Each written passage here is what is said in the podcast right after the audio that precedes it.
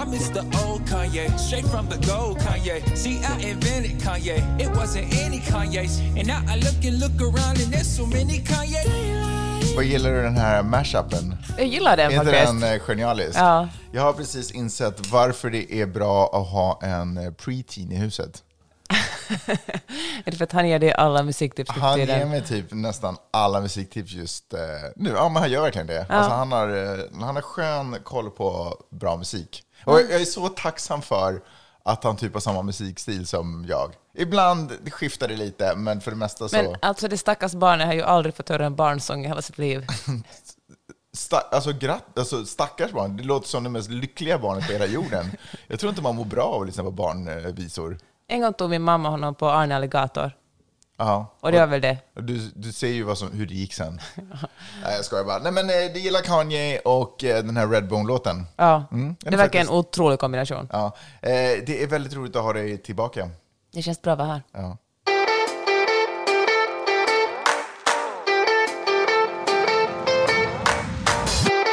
Du lyssnar på Magnus och Peppes podcast.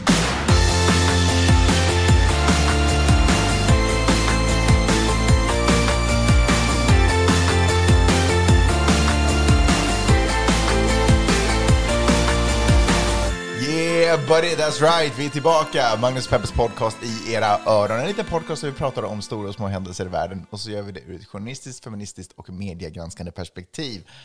Jetlags-Peppe är i huset. Vad är klockan i ditt huvud nu? Känner du sådär, alltså om du inte, inte tänker på vad klockan är i Sverige eller Finland när vi spelar in det här, utan du känner sådär, vad är du i din rytm? Ja, men jag är någonstans det är typ eftermiddag. Är Jag har haft eftermiddag. en, en hel dag bakom mig. Ja. Jobbat lite, läst lite, fixat lite grejer. Du håller på att runda av dagen. Ja. Då, då kan jag ju säga för den nyfikna lyssnaren att klockan är nu åtta på morgonen när vi spelar in det här. det är så deppigt.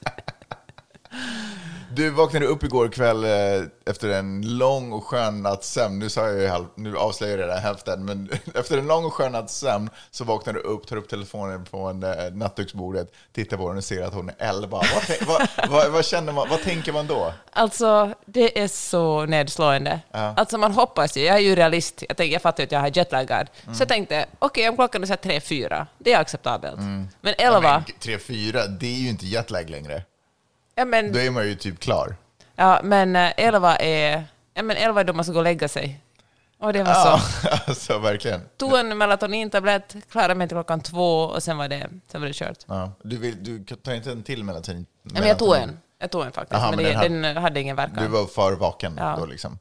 Vet du vad? Lut, det är bara att luta sig in i det. Mm. Det är så här, det, vet, det fattar ju alla. Han du komma över jetlagen i Sverige? Nej men precis, och nu börjar jag från noll. Berätta lite snabbt, du, eller vi kanske ska ta det som ett av eh, veckans ämnen. Jag tycker ska vi gör det. Ska vi dyka rakt in i veckan då? Ja. ja men vi gör det. Vad har du gjort i Sverige? Jag började faktiskt i Finland. Förlåt, vad har du gjort i Finland? Jag började med en eh, Friday Lab eh, Jag började retreat. faktiskt i Finland. Ja, du har i alla fall inte du... Ja, men rätt ska vara rätt. Nej, men så här är det. Mitt kvinnonätverk, mitt och Majas kvinnonätverk Friday Lab ordnade en retreat på Hannaholmen Mm. i Finland. Och ja, men det var otroligt. Jag var så nervös för det. Kan man säga att uh, Hanna Holmen är eh, Finlands svar på typ Hawaii? ja, det kan man lugnt säga. Ja. Och då förstår alla egentligen vad det är. Och eh, Sveriges svar på typ Gotland? Ja, Sveriges svar på Gotland. Okej, jag förstår inte vad du menar. Alltså- Men så här beskrev någon det. Alltså det är som om eh, James Bond möter 60-talet i Finland. Mm. Alltså det är... Men, Och det fanns ju en sån tid också. Alltså, ja, okej. Okej, men det är ett, ett väldigt härligt hotell rakt utanför Helsingfors på en ö som, är, som man kan åka tunnelbana till. Okej. Alltså, Men vi behöver ja. inte fastna vid geografin, utan ni var där, ni hade en retreat. Ja, det är jättefint. Först satsade vi på egenföretagare på fredagen och på lördagen var det bara vanligt folk. Och så gjorde vi olika självledarskapsövningar, doppade oss i havet och bara bastu. Och, alltså det var underbart. Med risk för att ställa en självklar fråga, men ert eh, nätverk är ju huvudsakligen digitalt, Ja. eller hur? Man är ju med i en... Ja, men berätta. Ja, men Friday Lab sker ju liksom till 90 procent digitalt. Vi träffas online. Men ibland blixtrar det till och då, då ordnar vi retreats. Ibland i Stockholm, ibland i Helsingfors, ibland i LA. Är det annorlunda vibe från när ni träffas digitalt? För ni känner ju, har ju lärt känna varandra liksom, typ ganska bra. Åtminstone de som har varit med längre förstås. Och, och, och då har ni förstås en, ett sätt och en jargong, men förändras dynamiken när ni ses live? Nej, men det går väldigt mycket fortare. Man träffar någon som man kanske aldrig har sett förut, men man känner ändå den. Det är otroligt bra stämning. Folk är så kärleksfulla och fina mot varandra. Det, verkligen, det händer någonting när man träffas live. Det finns en... Jag, måste ändå, alltså jag älskar att träffas online också, men det finns någonting extra fint att se folk i köttet. Se folk i köttet. Eh, jag tycker faktiskt att, att säga vad man vill om dagens teknik. Men, men jag tycker också att det är jäkligt coolt när man har varit ifrån sina föräldrar fysiskt ett tag, liksom, så att man inte har bott i samma lägenhet eller samma hem. Eh, men man har ändå, barnen har ändå kunnat prata med dem på, över Facetime typ dagligen. Så när de ses så är det som att de hela tiden, så det finns ingen sån här blyghetsfas. Så du är alltså för teknologi? Jag är för, jag är för teknologin. Ja, det är fint. Men, eh, men vet du vad, jag tänker mycket på det, för jag har ju kompisar som jag träffade för 15 år sedan när bloggen var stor, eller när alla bloggade. Och eh, nu för tiden så har de alla... Är det här kompisar inom citationstecken? Nej, här- det är riktiga kompisar. Okej, och, men ja. det är exakt samma sak. För jag träffade liksom Johanna, en av dem, på Bokmässan, Mhm. vilket var min nästa helg i Norden. Helgen efter? Ja. Ja, och, eh, och det var så roligt, för vi har verkligen träffats en handfull gånger, men vi känner varandra jättebra. Så vi bara kastade oss rakt in i diskussionen. Okej. Hon berättade till exempel när hon hade intervjuat drottning Silvia, och som hade varit en väldigt speciell upplevelse. Väldigt roligt, jag skrattade supermycket. Var, varför, Men- var, varför var det en rolig upplevelse? Hon sa att det var så absurt, liksom, hela processen. var det som att intervjua Queen Elizabeth? Hon Alltså- sa men hon sa att hon fick liksom inga riktiga instruktioner inför att uh, intervjua drottningen.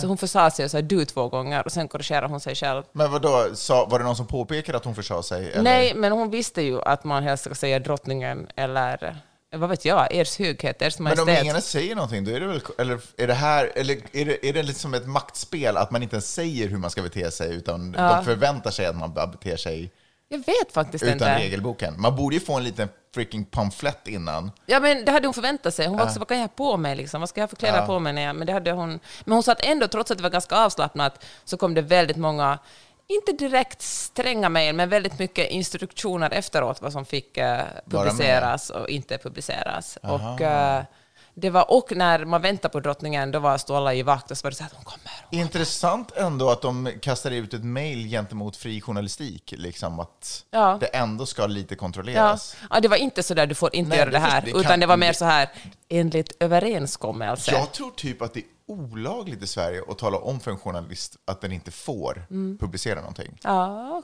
antagligen. Jag tror typ att det är någon presssäk, liksom någon sån skyddsgrej. Sen kan man ju tänka sig att kungahuset kanske har egna regler.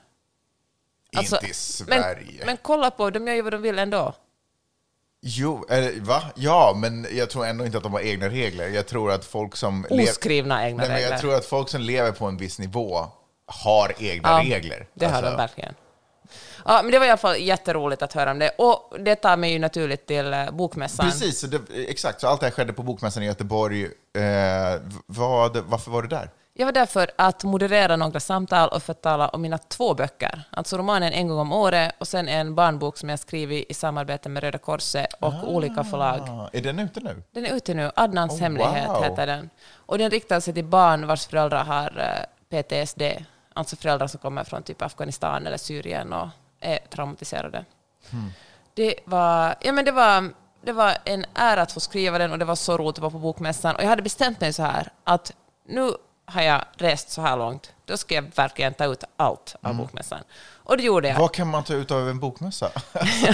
det får det låta som Disneyland. Ja, men det är så roligt. Jag fattar att det är svårt att förstå. Alltså, det låter ju som det nördigaste man kan tänka sig. Jag, Alltså, jag ser det typ. på dig.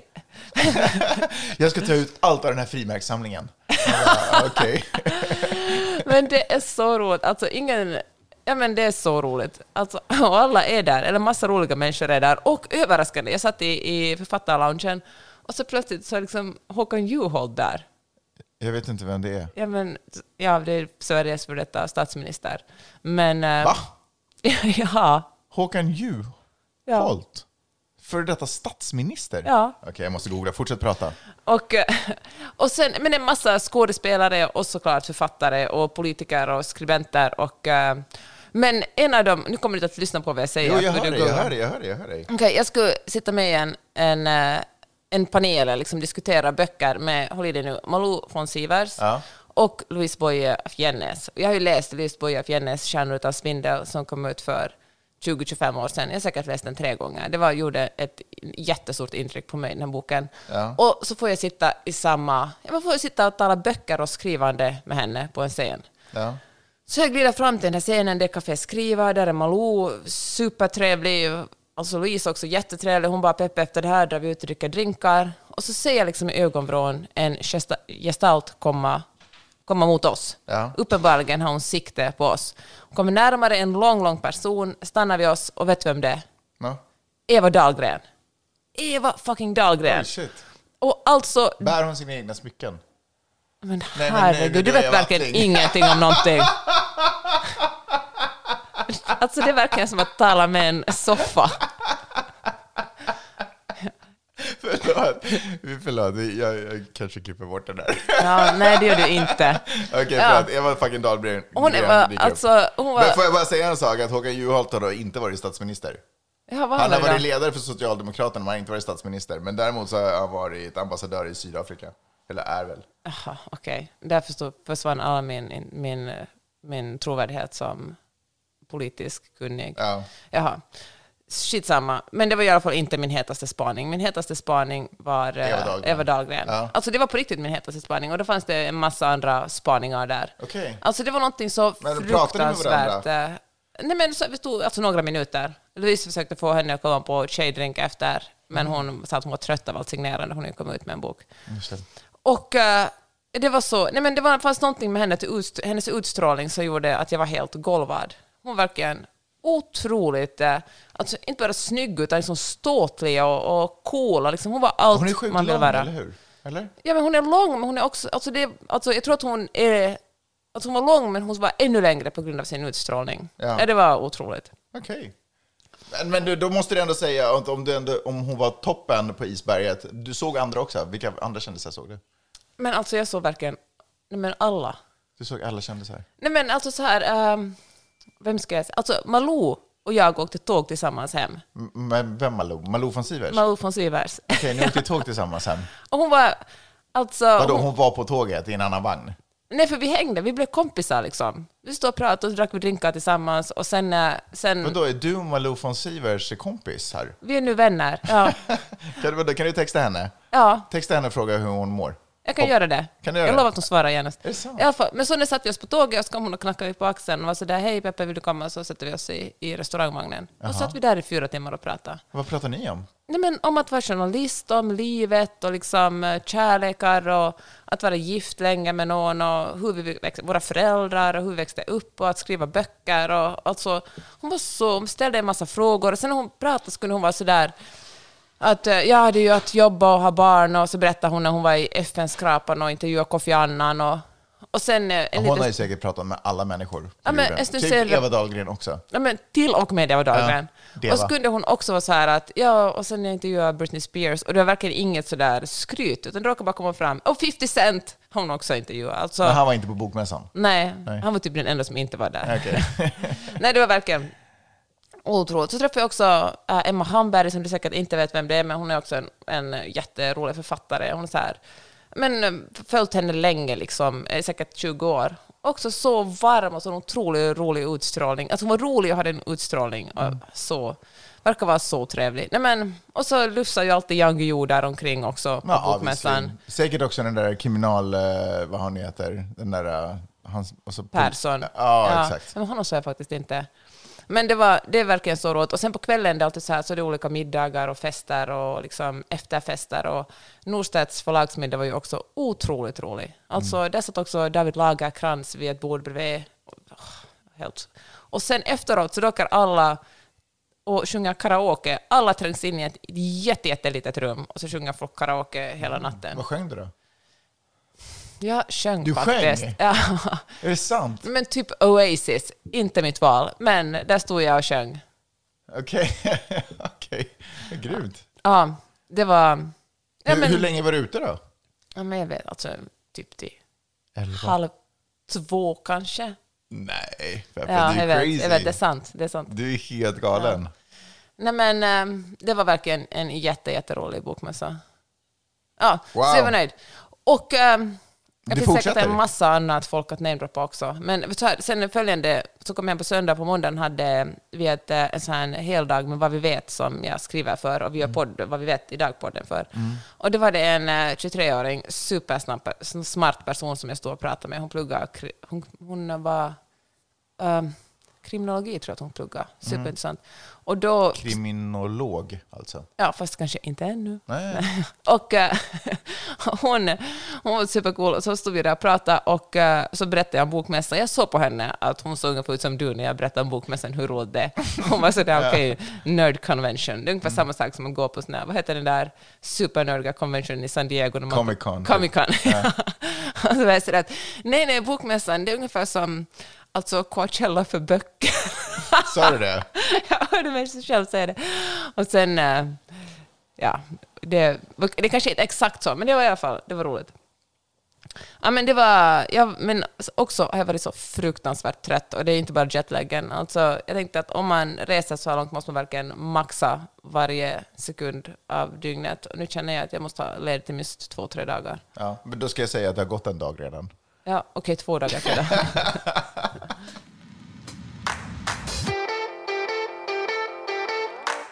Jag är i alla fall otroligt glad att du är tillbaka Peppe och det verkar som att du har haft eh, ändå ganska roligt fast det har varit hårt jobb.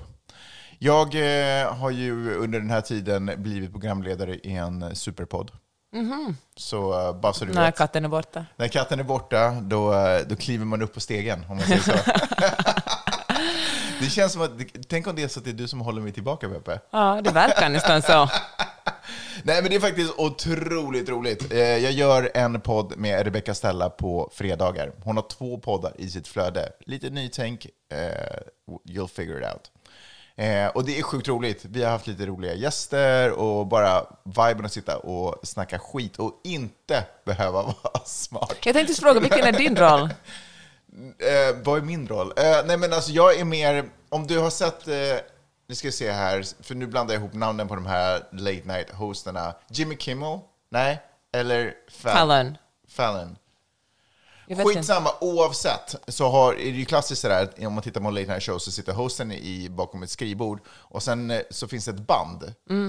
Eller hur? Förstår du vad jag menar? Eh, och i en av de här showerna så är det Questlove som är trummisen, som är liksom lite sidekicken kan man säga. Jag är Questlove.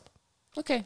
Så jag är, en- jag är sidekick. Jag bara skjuter in lite roliga kommentarer, försöker bidra till lite stämning, ställer kanske någon fråga till någon gäst. Är det roligare att göra den podden än att göra den här podden? Eh, det är alltid roligt att göra podd, men jag kanske kan känna så här att det är lättare att göra den podden. Okej, men jag trodde att Håkan Juholt har varit statsminister i Sverige. Tror du det? Nej, men jag sa det fel Ja, i början av den ja, här ja, podden. ja, ja. Så att du behöver verkligen inte, ingen, no pressure. ingen skugga ska behöva falla på dig för, för ett sånt litet missöde. Men jag har aldrig bott i Sverige, det är mitt försvar. Ställs and Friends heter podden i alla fall. Den kan jag verkligen... Jaha, Ställs and Friends. Ja, Ett bra namn. Tack. Låter bra i munnen. Tack, jag har, det är jag som har lagt det där så att säga. Eh, så om man känner att man vill... eh, Har något roligare än det här. Nej, men du vet sådär. Testa några- Inte lära sig någonting. Ja.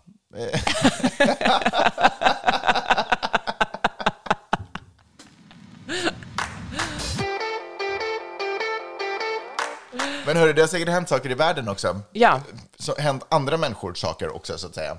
ska vi tala om det nu? Ja. Okej, jag tänkte tala om eh, Kina. Mm. Det är ju ett, ett spännande land och väldigt stort. Och den eh, kinesiska medelklassen växer ju hela tiden. Mm. Och det har lett till att de vill äta det som medelklassen äter. Och det är mycket fisk. Alltså fisk är en medelklassmåltid, Mm. Okej. om man inte råkar vara fiskare och bo vid havet. Och det här har lett till att eh, Kina fiskar som bara den.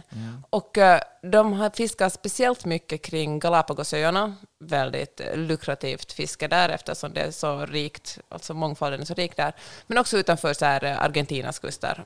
Och eh, det här är en eh, jättestor... Det är ju ändå en ganska lång fiskeresa om man ska till Argentinas kuster. Ja, det beror på från vilket håll man kommer. Det känns som en lång resa oavsett. Ja, det är faktiskt en lång resa. Och, eh, men det här börjar bli ett problem eftersom kinesiska fiskebåtar är så effektiva på att fiska. Och, vi, och jag menar, haven håller annars också på att ta slut på fisk. Så att nu är man väldigt orolig över alltså olika miljöorganisationer för att eh, Kina håller på att fiska ut haven. Och det är såklart inte bara Kina, men Kina är så otroligt stort och det finns så en otrolig hunger efter fisk där just nu eftersom, som sagt, har folk lite mer pengar. Att eh, man inte riktigt vet vad man ska göra av det. Och uh, kineserna är sådär, ja whatever, alltså vi är hungriga så vi fiskar, vi bryr oss inte så mycket om vad ni säger. Västvärlden har ju en liten, alltså nu vill jag inte ta Kina i försvar på något sätt, men västvärlden har ju en tendens att vilja att alla andra länder ska lösa västvärldens problem. Förstår du vad jag menar? Lite så här klimatgrejer, man tittar gärna på, ja men titta hur man i Kina håller på och, och pumpar ut och titta hur man håller på med de här länderna och pumpar ut massa olja. Ja, men det finns också saker man kan göra på hemmafronten. Liksom. Ja, jag fattar, håller med dig. Man kan ju säga så här att, att vi som har varit medelklass i jätte- jättelänge och ätit gott, så vad ska vi peka finger på liksom att andra också vill ha det lite gött nu? Och vi har ju trots allt ätit gott på bekostnad av havets fisk. Ja, men eh, jag vet, alltså, jag tycker det är en jättesvår moralisk fråga. Vad ska vi göra då? Ska vi bara säga att nu är det er tur och nu tar det slut? Nu, tar liksom, nu förstör vi vår jord, nu är det er tur att åka med Nej, tycker- bensinbilar, er tur att liksom, släppa ut en massa koldioxid, för det har för- vi också gjort för rätt ska vara Ja, rätt. men det gör liksom. vi ju fortfarande också, kan vi väl också tillägga. Det är ju en ganska liten elit som åker eldrivna bilar. Sant, men till exempel här i Kalifornien kommer det vara förbjudet att köpa nya bensinbilar om bara tio år. Okej, Men kan jag också få tillägga att granted att, det är kanske, att Kalifornien är typ världens femte största ekonomi, Mm. Eller topp fem i alla fall. Eh, men det är fortfarande bara en delstat. I Ja, hela det är västvärlden. Förstår du? Att alla 40 an- miljoner människor ändå. Jo, jag vet, men förstår du att ingen annan delstat bryr sig? Alltså, Ja, men det, var, annan det, kommer det är inte helt sant det Men, heller. men, men det jag tycker är viktigt i den grejen som jag också skulle vilja applicera på fiske och alla andra saker som vi tycker ska ändras är att man går i bräschen för de förändringar man vill ha. Att man själv gör de förändringar. Att för Kalifornien skulle, så som jag upplever att västvärlden gör, så är det så att om vi var i Kalifornien så skulle man säga så här, alla andra i USA, alla andra delstater borde införa en sån här regel, men sen så gör man typ inte riktigt det själv. Förstår du vad jag menar? Ja. Så tycker jag västvärlden Man ska liksom städa sitt eget eh, Först först. städar man, exakt så, tänker jag. När västvärlden är så här, vi trålar inte fisk eller räkor som galna människor, utan vi plockar upp dem med pincett en och en. Då kan man börja snacka med Mm. Kina om hur de ska bete sig, tycker jag. Då kanske man till och med kan sälja den nya fantastiska tekniken. Ja, men nu, alltså, nu menar jag inte att peka finger på Kina, utan jag menar bara en, alltså det här var en, en information om Nej, att jag det förstår. så här. Jag förstår. Men jag, tycker, men jag tycker fortfarande att det är svårt. Jag är inte arg på dig. Du låter inte. Nej, men jag tycker att det är svårt. Alltså, jag hör vad du säger, men jag tycker också, alltså, rätt ska vara rätt. Jag tycker absolut att, att eh, liksom Europa och USA har, måste verkligen skärpa sig mycket mer än så kallade liksom, u-länder eller ekonomiskt, folk som liksom, länder, jag vet inte om man får säga u-länder, utvecklingsländer längre. Mm, ja. men, eh, men jag tycker också att det, ja, jag menar kanske vår Är insats... det för att det typ inte finns u-länder längre, som det gjorde förr i tiden? Att, all, att världens ekonomi, generella ekonomi har höjts så pass mycket? Ja, men det har väl den gjort, alltså fattigdomen. Det var väl en av de sista saker som den här professorn lärde oss innan han eh, tyvärr dog. Ja, nej, men jag tänker så att men det finns ju ändå folk som är väldigt hungriga och Jo, törstiga. jo, och jo. inte Men det gör det också i rika länder. Det gör det ju för tusan här i USA Ja. också. Men jag faktiskt lyssnat på ett avsnitt av, av eh, New York Times The Daily och där stod det att barnfattigdomen faktiskt är mycket lägre i USA än vad man har trott. Mhm. Alltså det, det går bättre för USAs barn än vad man trodde. Vänsterpropaganda har det varit. Mm, kanske det. Men, eh, Ja. Men det är skitsamma. Gå i bräschen. Ja, verkligen. Men eh, och, och, alltså, oberoende finns det ju ingenting vi kan göra åt Kina. Alltså. Kina skiter ju liksom vad vi andra tycker. De kör ju verkligen sitt game. De är som störst och rikast och starkast. Så de, alltså det är precis, ja. Men eh, det är ju bra att veta vad som händer i alla fall. Ja. Kanske man inte ska beställa så mycket fisk, eller äta fisk en gång i veckan istället för fem gånger i veckan, precis som kött. Eller, Men hör, är det här en utvecklingsprocess som Kina måste gå igenom? Alltså så hoppas vi bara att fisken inte har försvunnit under den lärdomstiden. Men så småningom kommer det ju bli svårt också för Kina att få upp fisk. Förstår du vad jag menar? Ja. Och då kommer, tänker jag att Kina kommer instinktivt intressera sig för fiskbestånden. Förstår Ja. du? Då kanske Kina med sin makt och sin power blir världsledande i liksom fisktillväxt. kanske. Eller? Fan, jag, alltså, ja, jag vet faktiskt inte. Kanske det. Alltså, jag tänker att det är, ju, det är ju fint om det är så att man ska. Alltså, jag gillar ju optimismen. Men jag tänker att det kanske är för sent då. Alltså, när fisken är slut är fisken slut. Jag Liksom. vet, men tänker du att det finns länder som är liksom bara notoriskt onda, så att de kommer gå från en dålig sak till en annan dålig sak, och så kommer de bara fortsätta så? Nej men onda, det är väl lite så George W. Bush-retorik. Ja, men- liksom, axis of evil. Men jag tänker, ingen är väl ond. Folk, vill bara, folk är ju bara egoistiska generellt. Ja. Man, vill, man tycker att alla andra ska skärpa sig och sen gör man det som är bäst för en själv. Jag bara tänker så här, för jag, jag, jag ser och erkänner att Kina har problem med sin, liksom sin politik och sin, eh, sin struktur och hur det, vad det är för sorts land och värderingar som ledarskapet har där. Men jag tycker att det känns väldigt eh, lätt att hela tiden alltid peka och säga att ja, nu, nu förstör Kina miljön och nu förstör Kina det här och nu förstör Kina det här. Eh, Det är ju en miljard människor. Liksom. Det är ju en... Det är väl ännu mer än så. Eller de Ja, kanske det- 1,4, precis. 1,5. det är en stor del av jordens befolkning som lever liksom där. Så klart kommer de vara en av de geografiska områden som kommer ha störst påverkan på miljön. Men det finns också andra geografiska eh, sådana eh, strukturer, eller vad fan, gränser som också har enorm påverkan på miljön. Jag tror nästan så här, tänk om alla andra skötte sig exemplariskt. Då skulle jorden fungera med att Kina fuckade upp allting. Jag vet faktiskt inte. Det är ju bara ändå en sjundedel, en åttondel. Ja, men jag tänker så här att en massa länder sköter Sjättedel, sig kanske. exemplariskt, redan inte beroende på att de vill det, utan rent på grund av ekonomin. Folk har liksom inte råd att köra bensinbilar eller äta fisk och kött varje dag. Det är ju Mm. liksom, majoriteten av människorna i världen är ju så pass fattiga. Vi är ju liksom Europa, vi, vi är ju liksom en procenten i världsperspektiv. Och problemet är att just medelklassen i Kina, den Jag fattar det, men jag tror Växer. att fattigdom faktiskt också är ett problem, speciellt fattigdom i rika länder, därför att fattigdom i rika länder är ändå fattiga människor som förväntar sig att ha massa saker ändå, vilket egentligen tror jag kommer bara leda till att billigare saker börjar göras, att Kina får ännu mer produktion på dumt skit som inte alls egentligen är bra heller.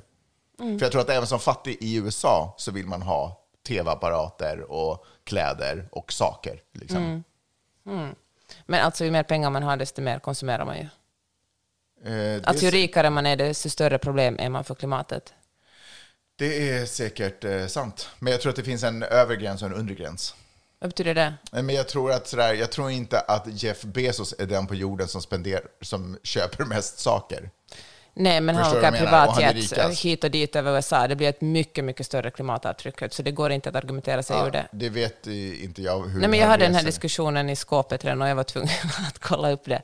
Så det, tyvärr, alltså, alltså det är, rika människor har många bilar, de flyger mycket mer, de är, alltså, de, men de gör helt enkelt, de är, de är en större klimatbelastning för de konsumerar mer. Ja, men de är ju ändå så pass få. Liksom. Eller jag förstår inte riktigt logiken där. Menar du per capita då, typ liksom ish? Nej, men jag menar bara att en rik människa är stö- en större klimatbelastning än en fattig människa. Man kan säga att fattiga Okej. människor alltså köper Men billig en skit, men det är ändå mindre. Alla saker som vi köper på H&M, alla saker som vi liksom bara slentrian konsumerar, det måste ju liksom vara en enorm hög belastning. Oavsett om det är högre eller lägre än en superrik människas, men det måste ju ändå vara en enorm belastning. Det är ju klart att det Vi, är det. ju den stora, vi måste ju vara den stora konsumtionsbulken i samhället. Medelklassen. Ja. ja, ja, men nu har, vi kommit, nu har vi kommit runt. Det är ju därför som fiske är ett problem i Kina, för att medelklassen växer så fort. Ja. Ja, ja, bra snack. Ja, medan du har skeppats runt i, eh, i Norden så har eh, människor i USA också skeppats runt i ett politiskt eh, Syfte. syfte och i ett, ett spel, kan man säga. Som brickor i ett spel har man använt en humanitär kris för att ta politiska poäng. Och jag pratar om Ron DeSantis som är guvernör i Florida. Nailed it. Och han eh, skickade helt enkelt upp eh, ett gäng människor som hade kommit in i, i hopp om att söka skydd i det här landet. Så skickade han dem raka vägen upp till Martha's Vineyard eh, i New York State, typ vad fan den ligger, ditåt upp, uppåt längs kusten. Ett vitt, rikt litet samhälle. Eh, för att visa att, ja, för där, som då är demokratiskt, eh, politiskt demokratiskt liksom på kartan, för att visa demokraterna att ja, det är lätt att fatta beslut som egentligen inte berör er, så här har ni nu de här eh, flyktingarna som ni tycker ska komma in utan några gränser, ta hand om dem då. Så vidrigt. Alltså jag tycker det är så otroligt fruktansvärt cyniskt. Det är något som Greg Abbott, som är guvernör i Texas, hållit på med ganska länge, men Mm. han har skickat folk upp till New York. Alltså sagt att här får du typ gett en så här presentkort till McDonalds och varit sagt hej, vill du, vill du äta idag? Mm. Och här får du en biljett, här är, får du sätta dig på bussen till, eh, till New York. Och så stiger det av. Först kommer det bara en busslast, sen två busslaster och sen en massa människor. Så volontärer i New York har liksom under en längre tid haft enormt problem med att eh, alltså hitta husrum och liksom ställen för de här stackars människorna att, eh, jag menar, att helt enkelt leva i. Men hur gick det då i Martha's Vineyard? Eh, nej, men alltså, de, de är väl fortfarande där tror jag. Alltså, det är väl in, in, ingen superbra situation för att Martha's Vineyard var ju inte direkt beredd på... Alltså, det är ju viktigt förstås när man tar emot folk att det finns en struktur som kan ta hand om människor. Jag tycker liksom... Men det gick väl ganska bra? Alltså folk tog ju hand, tog emot dem och gav dem telefoner och liksom hittade husrum åt dem och jobb. Alltså, det var hela den community. Jo, jag vet, men allt det är så dumt. Man kan liksom inte använda det här som ett exempel på ja, det här funkar eller det här funkar Nej. inte, eller bu eller bä, utan allting är ju bara ett politiskt spel där man använder de här stackars människorna som, eh, som brickor. Liksom. Det är klart att Martha's Vineyard eller vilken rik stad som helst kan ta emot 50, för det var ju typ 50 pers kan ta emot 50 pers som kommer in. Det är väl, inga, liksom, det är väl klart att, och speciellt om man blir utmanad av liksom, en annan politisk falang eller en annan åsikts liksom, sådär, kategori. Det är klart att man bara för att göra en poäng kan ta hand om alla. De skulle säkert kunna ta hand om 300 till, liksom, bara för att göra en poäng att ja, vi kan absolut göra det, så ni kan också göra det. Liksom. Men det är väl inte det som är poängen. Poängen är att man slussar människor fram och tillbaka för att göra politisk... Alltså, Verkligen vinna politiska poäng. alltså så- det är fruktansvärt Det är så cyniskt. snuskigt, för det är ju människor som, alltså människor som, det är människor. Riktiga människor som lämnar sitt eget hus och hem. Folk frågar oss, Åh, hur kan ni bo i eh, LA? När ska ni inte flytta tillbaka till, eh, till Finland eller till Sverige? Därför att, driv, därför att känslan för sitt eget hem är så stark, så folk har till och med svårt att förstå varför andra gör andra val. Så det här att, att man lämnar hus och hem, det kräver oftast en, liksom en kraftansträngning och eh, en situation där man kanske inte ens upplever sig ha, eller förmodligen där man inte upplever sig ha ett val. Fast det är väl asylsökande, så folk Jo, jag menar det. Så de har ju ja, flytt, precis, och de har ju flytt sitt För de inte har något annat alternativ Inte för att det har varit roligt, inte för att det är vackrare väder i eh, fucking Texas eller, eller härligare människor, utan för att med rädsla för sitt eget liv, för att om jag bor kvar så kommer jag dö. På ett förmodligen ganska horribelt sätt också. Och därför så måste jag lämna i panik hus och hem. Och sen komma upp hit och sen bli en del av ett samtal där man liksom sådär, ja nu kommer du hit och ska utnyttja den här, uh, vårt samhälle och våra fina Det finns ju inte ens någon väl, Och- välfärd och här. våra- Det finns ingenting att utnyttja. Nej, och vi har, inte, vi har inte plats i det här enorma landet. Har vi inte plats att sätta upp eh, hus och hem för dig så du kan eh, känna dig trygg. Det är inte vad, vad vi gör. Och, och så har vi en liten intern politisk diskussion och för att, liksom argument, använd, för att eh, hitta argument i den diskussionen, eller belysa poängen i den diskussionen, så kommer jag ta dig och leka med dig. Eh, och eh, få dig att vara på nyheterna så andra människor kan uppröras över, eller Och då- tycka att jag är cool. Ron DeSantis är det som du sa, han är ju guvernör i Florida, men det fanns ju, han kunde inte skräpa ihop en busslast alltså, så att han var tvungen att ta människor från, som också sökt asyl i Texas. Det var det sjukaste när jag hörde det, att de här asylsökarna som han buss, eh, buss, sätter på en buss, de hade inte ens kommit till Florida, de hade kommit till Texas. Han hade literally åkt till Texas, hämtat upp folk därifrån för att sen låtsas som att det här är folk från Florida som ska upp. Han, och då, och då, liksom, han, fick, ja, han kunde inte ens, och det var ju bara 50 personer, så han kunde inte ens i sin egen delstat ha skramlat ihop 50 egna personer för att göra en en, en korrekt poäng ens. Utan det var ju verkligen bara en eh, spel för gallerierna. Men sen, det är så fult. Det är också så, jag det är också på något sätt ett sånt hån mot liksom, politik, alltså mot demokrati, att, att man verkligen ser det som att spela Monopol eller något annat strategispel. Ja, men det är väl en, en fråga om makt, liksom, tänker jag, antaga. Att få makt, att man är villig att göra vad som helst för att kunna behålla makt och utöka sin makt, sin egen personliga makt. Eh, med det sagt så förstår jag också politiskt varför eh, en republikan vill göra en sån här grej, därför att republikanerna är under väldigt mycket press just nu. Det är mellanårsval på väg upp. Eh, det har inte gynnat dem. Abort, den nya abortlagen verkar inte ha gynnat dem, speciellt när det kommer till att övertyga den kvinnliga delen av den amerikanska befolkningen att fortsätta att rösta på republikanerna. Många tycker att det känns inte nice, det som händer i många delstater. Det finns väldigt många republikanska politiker som eh, gick all in för att, med Roe versus Wade, alltså så att de var all in för att eh, abort ska bli helt förbjudet. Men eh, bara några veckor, så det kunde man säga i somras på liksom deras kandidatsidor, när de var sådär, de är 100% pro-life, ingen abort. Men nu när man har insett att opinionen eller det är inget nytt, opinionen har ju alltid varit i USA så att ungefär 60 procent, mer än hälften, tycker att det är bra som det är med abortlagstiftningen. Men de insett att det här kan verkligen drabba dem väldigt hårt i mellanårsvalet. Har de gjort om sina hemsidor och gjort om hela sina, som sina politiska slagord. Men tagit bort helt att alltså, diskutera noll abort i, Mm. i sin valkampanj eftersom de eh, inser att det ser jättedåligt att just abortfrågan kommer kanske att vara det som får republikanerna att förlora mycket i valet. Så eh, då kan man tänka sig att sådana här stunts är liksom ett sätt att bara Piska upp eh, Ja, men också lite Folk. trolleritrick. Alltså, för att ta- ta bort fokus från högerhanden så viftar man jättemycket med den här andra handen. ja, Vi kan kalla den för vänsterhanden. Till exempel.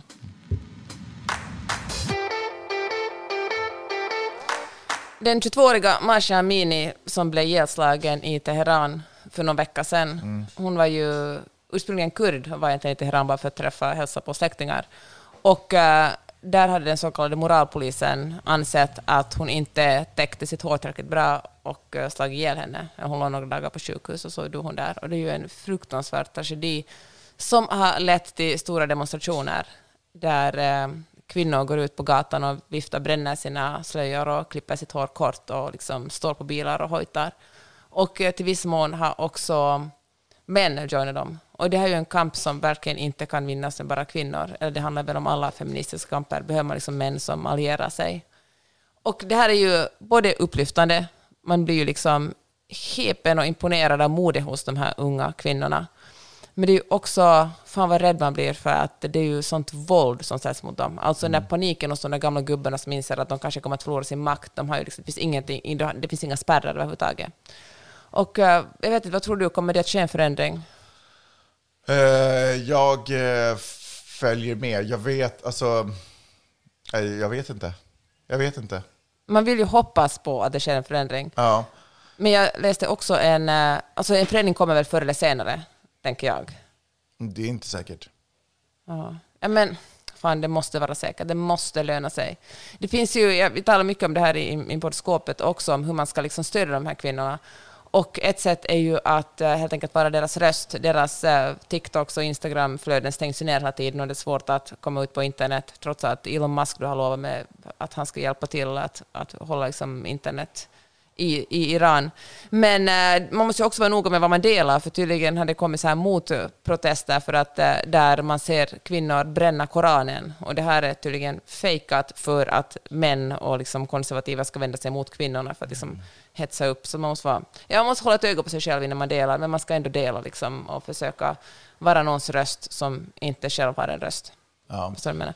Men, får jag säga det, jag läste en artikel i New York Times där det stod, refererade, som refererar till en, forsk, till en forskning som sa att det blir allt svårare att uh, få, få en förändring genom demonstrationer och revolution. Alltså det var lättare förr.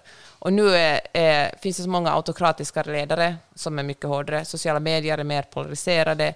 Och eh, det är helt enkelt ett hårdare klimat nu än för 20 år sedan. Folk, det slås ner mycket snabbare. Och det såg man ju kanske också på den, liksom, den arabiska våren. Vad hände egentligen där? Var det bara Tunisien som egentligen, om ens det, som fick igenom någon slags... Alltså när, en, när man får ner liksom en autokrat så kommer det bara en ny och tar hans ställe.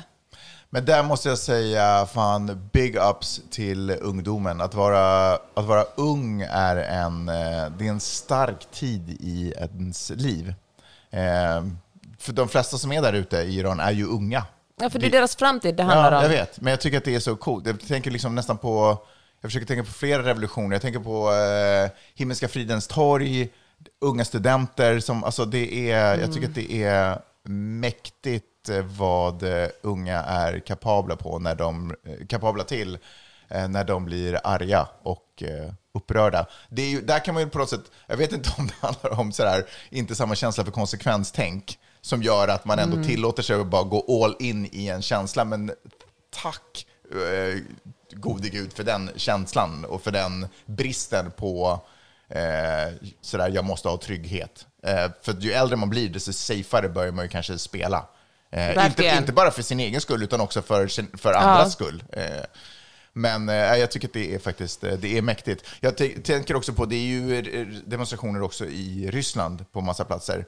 Det som tydligen är ganska nedslående med den, de demonstrationerna är att där, det finns ingen opinion som kan eh, eh, dels koordinera och samla dem och strukturera dem, utan det är bara små, eller bara bara, men det är liksom små protest, ganska relativt små protester på väldigt spridda platser som är ganska lätt för en regering och en myndighet att liksom kontrollera och slå ner. Jag har dessutom. faktiskt tänkt på det, jag tänkte på det i natt när jag låg vaken och inte kunde somna på grund av jetlagen, om hur eh, Putin då ville rekrytera 300 000 män för att eh, skickas och kriga i Ukraina och hur ungefär lika många har flytt landet. Och nu får man läsa intervjuer med de här unga männen som bara, eller relativt unga, alltså vissa är ju över 40. Alltså folk bara drar in till, men några cyklar över gränsen till Finland. Och Anna-Lena Laurén förresten en som jag fick ta en drink med på Bokmässan. Vi talar mycket om Ryssland. Hon är en otrolig kvinna. Hon eh, skriver ju också. väldigt mycket för DN om Ryssland. Ja, hon är väl DNs korrespondent. Ja, till och med det. Men hon var verkligen orolig över att nu när, eftersom Finland eh, satte stopp för turistvisum, om det skulle leda till att eh, Ryssland sätter stopp för journalistvisum. Så Mm. hon hade bråttom hem till Sankt Petersburg, för hon sa att hon ville inte riskera att inte komma in i landet igen. Mhm.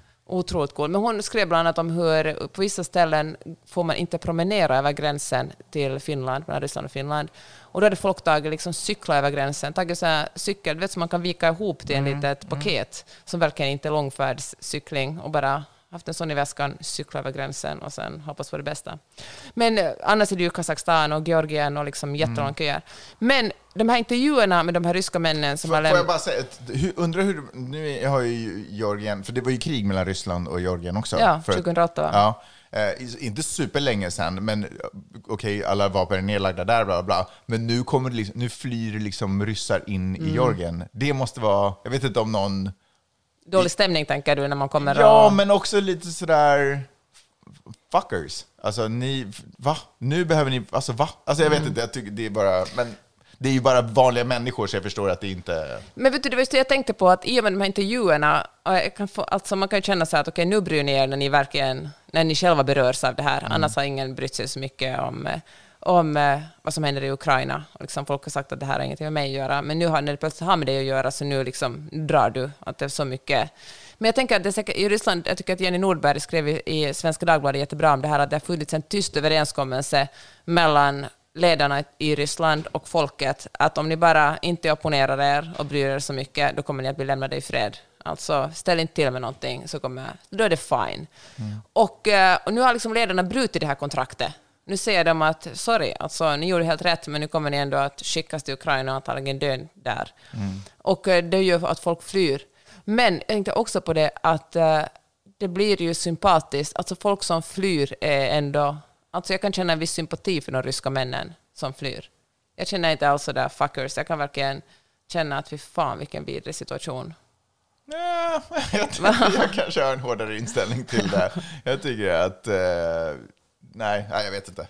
Eh, jag, jag, nej, jag, eh, nej, jag har Ja. ingen kärlek åt det hållet. Jag har väldigt lite kärlek åt det hållet faktiskt. Sen kan man ju säga att för helvete så det går. Alltså, det går inte bra för Ryssland. De som flyr är också de som har råd att fly. Det är Ja. folk med lite utbildning och lite pengar. Och liksom, det är ju, det finns, kommer inte att finnas mycket kvar av, av det landet. Eh, du och jag jobbar ju också för en nyhetsplattform och nyhetssajt som heter Vad vi vet, som har en fantastisk podcast förresten. Det kan jag verkligen rekommendera. Fem minuters nedslag tre gånger i veckan, Vad vi vet idag. Lyssna på den. Men det jag skulle säga är att jag hoppas på att ganska snart få göra en intervju med någon på försvars... Eh,